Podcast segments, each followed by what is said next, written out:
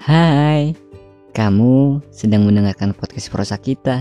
Di sini tempat kita berbagi kisah, kisahku, kisahmu, dan kisah mereka.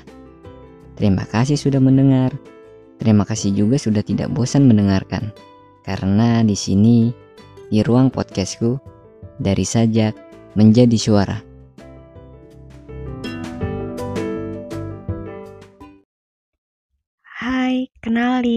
Aku Sofwa.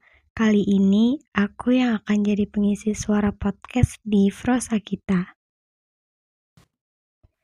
Ternyata sesakit ini ya.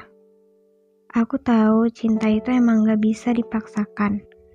Aku juga tahu kalau emang cinta itu bukan berarti harus memiliki. Tapi apa mungkin kita bisa selamanya nerima seseorang yang kita ingin miliki, namun selalu gak bisa kita miliki. Setelah lama kamu selalu memberikan harapan-harapan itu, yang kadang aku sendiri bingung harus seperti apa.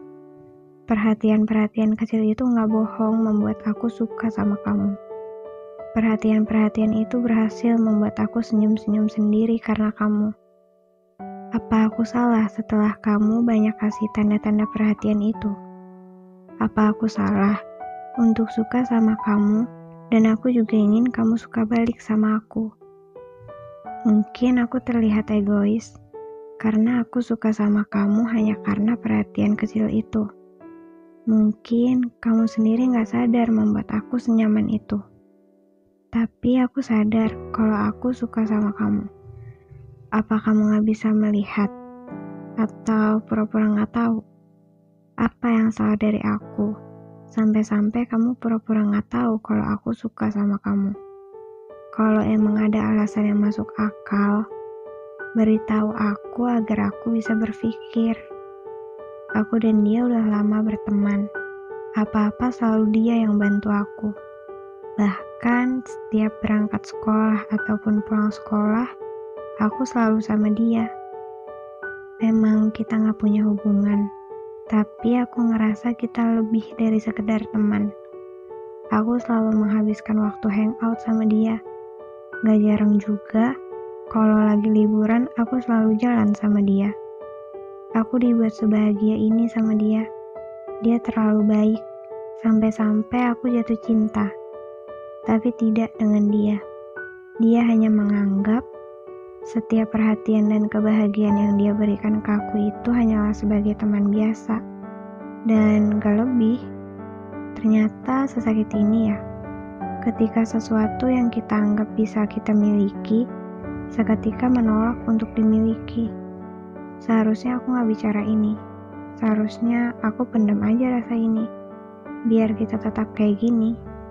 Biar kita bisa sama-sama terus seperti ini. Tapi selama apa pun itu aku memendam, aku juga harus mengucapkan.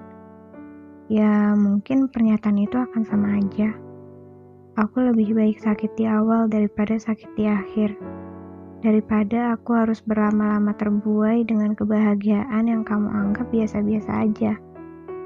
Lebih baik aku mengakhiri rasa suka sama kamu sekarang.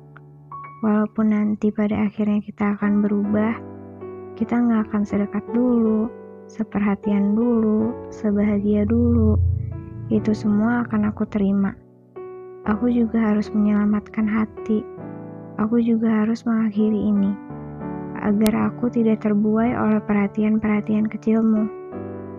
Aku akan menerima rasa sakit ini dan belajar untuk sembuh sendiri. Makasih ya udah baik. Makasih udah pernah kasih kebahagiaan walaupun itu hanya sebatas teman.